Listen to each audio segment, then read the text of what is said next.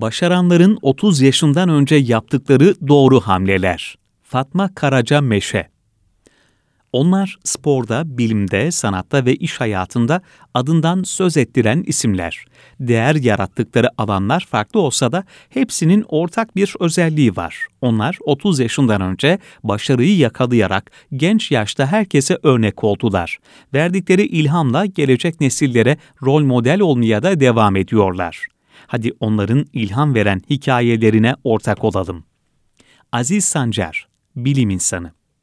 2015 yılında aldığı Nobel Kimya Ödülü'yle adını tüm dünyaya duyuran Aziz Sancar, 1946 yılında Mardin'de dünyaya geldi. Lise yıllarında futbolla ilgilenen Sancar, 1963 yılında girdiği İstanbul Üniversitesi Tıp Fakültesinden 1969 yılında birincilikle mezun oldu. Mezuniyetinin ardından doğup büyüdüğü Mardin'e dönerek bir sağlık ocağında hekimlik yapan Sancar, hayatını değiştirecek kararı verdiğinde 25 yaşındaydı.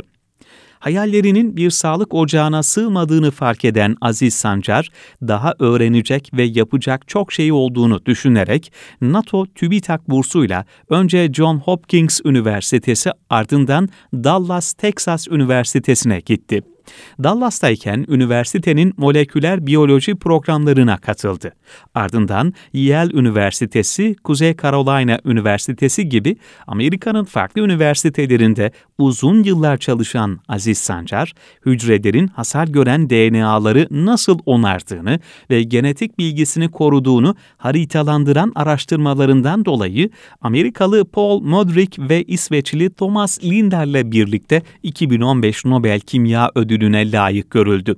Bu üç araştırmacı 30 yıldan uzun süre birbirlerinden bağımsız olarak ve büyük oranda bakteri hücrelerinde çalışmaktaydı. Sancar, nükleotit kesim onarımı alanında buluşlar yaptı. Thomas Lindahl ve Paul Modric ise diğer DNA onarımı mekanizmaları olan bazı kesim onarımı ve yanlış eşleşme onarımını keşfetti. 2015 yılında ödülünü alan Sancar, beni ödüle götüren Atatürk'ün ve Türkiye Cumhuriyeti'nin yaptığı eğitim devrimidir.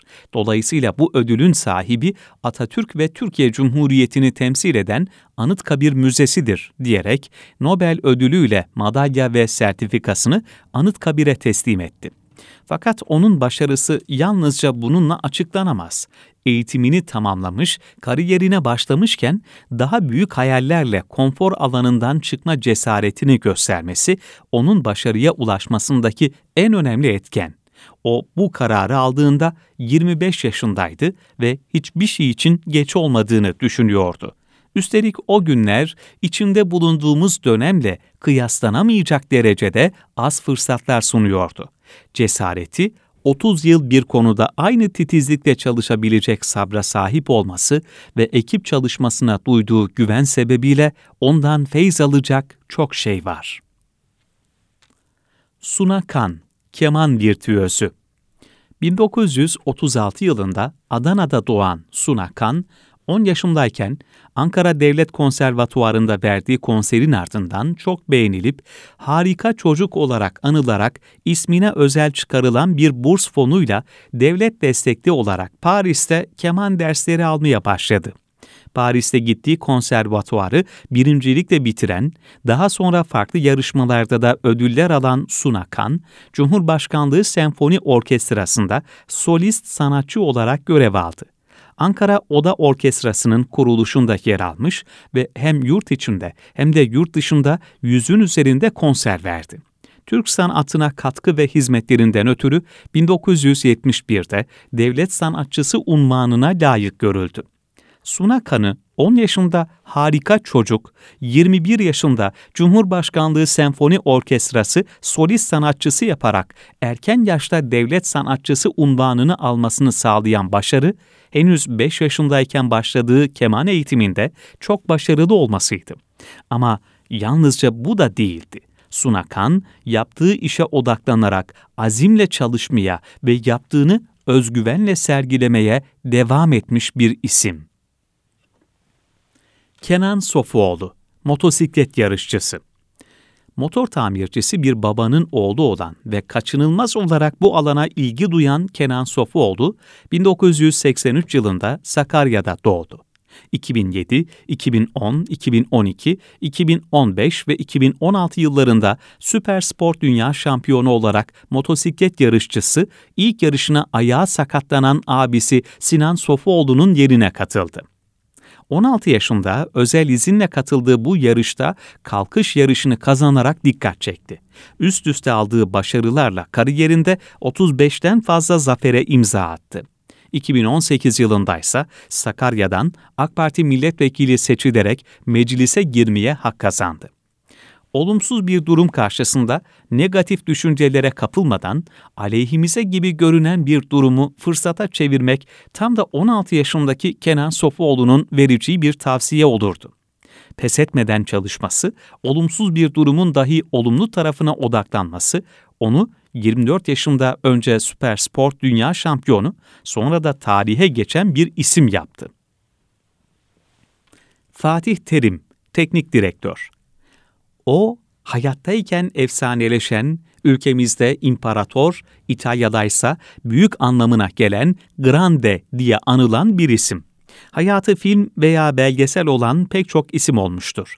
Ancak hayattayken kaç kişinin böyle bir şansı olmuştur? Evet, Fatih Terim'den bahsediyoruz elbette.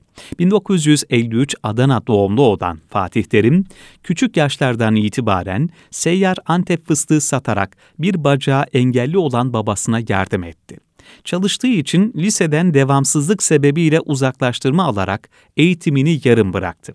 Ancak onun futbol tutkusu her şeye rağmen devam etti futboldaki yeteneğini göstermek için her fırsatta seçmelere giden, mahalle maçlarına çıkan Terim, 16 yaşında Adana Demirspor tarafından fark edilerek kaleci olarak profesyonel futbol kariyerine başladı. Altyapıdan girmesine rağmen kısa sürede yaşıtlarından daha ileri görüşlü olması ve liderlik vasfı sebebiyle öne çıkan Terim, kısa sürede az takıma geçerek kariyerine devam etti. Ardından milli takım forması giydi ve Galatasaray'ın dikkatini çekerek evim dediği kulüpte uzun süre forma giydi. Futbolu bıraktıktan sonra da yine Galatasaray'da teknik direktörlük yaptı. Farklı futbol kulüplerinde de teknik adam olarak görev alan Fatih Terim, 2000 yılında Galatasaray'a kazandırdığı UEFA Avrupa Kupası'yla kariyerini zirveye taşıdı. Bu başarıyla Avrupa'nın da dikkatini çeken Terim, İtalya'dan teklif alarak önce Fiorentina, ardından Milan'da teknik direktörlük yaptı. Milan'daki görevinin ardından bugüne kadar Galatasaray'ın ve milli takımın başına geçerek görev aldı. Geçtiğimiz aylarda ise istifa ederek farklı rollerde Galatasaray'da olmaya devam edeceğini söyledi. Fatih Terim'i bu kadar başarılı yapan neydi derseniz, tutkusundan şartlar ne olursa olsun hiç vazgeçmemesinin yanı sıra Terim'in başarısının sırrı şüphesiz ki ona ailesinden miras kalan sabır, hırs ve çalışkanlık öğretileriydi. Sümeyye Boyacı, milli sporcu. İmkanlara sahip olmak mı yoksa imkan yaratmak mı başarıyı getirir? 2003 yılında doğuştan kolları olmayan ve kalça çıkıklığı olan Sümeyye Boyacı için bu sorunun cevabı imkan yaratmak. Boyacı 4,5 yaşında ayağıyla yazı yazmayı ve resim yapmayı öğrendi. 5 yaşındaysa yüzmeye başladı. 2019 Dünya Paralimpik Yüzme Şampiyonası'ndaki 50 metre sırt üstü S5 kategorisinde gümüş, 2018 Avrupa Paralimpik Yüzme Şampiyonası'ndaki aynı kategoride altın madalya kazandı. 2022 Dünya Paralimpik Yüzme Şampiyonası'nda 50 metre sırt üstü S5 kategorisinde dünya şampiyonu olarak hepimize gurur yaşattı. Sümeyye Boyacı gittiği bir akvaryumda gördüğü balıklardan etkilenip onların da kolları yok diyerek yüzmeye başladı. Onun hikayesi bize başarının yalnızca iyi imkanlara sahip olunarak değil, azimle ve inançla geldiğini gösteriyor. Eren Bali, girişimci. Dijital eğitim platformu olan Udemy'yi hepimiz biliyoruz. Ancak pek çok kişi Udemy'nin genç bir Türk'ün girişimi olduğunu bilmiyor. 1984 yılında Malatya'nın küçük bir köyünde dünyaya gelen Bali, lisede uluslararası matematik olimpiyatlarında derece yaptı ve dünya çapında önemli okulların dikkatini çekti. Bali'nin hayatını değiştiren önemli noktaysa ablasının ODTÜ'yü kazanmasıyla eve alınan bilgisayar ve bağlatılan internet oldu. İnternetin sonsuz dünyasını keşfeden Eren Bali, olimpiyat derecesiyle dikkatini çektiği MIT ve Harvard gibi okulların teklifini uzak olduğu gerekçesiyle reddederek ODTÜ'de bilgisayar mühendisliği okumaya karar verdi.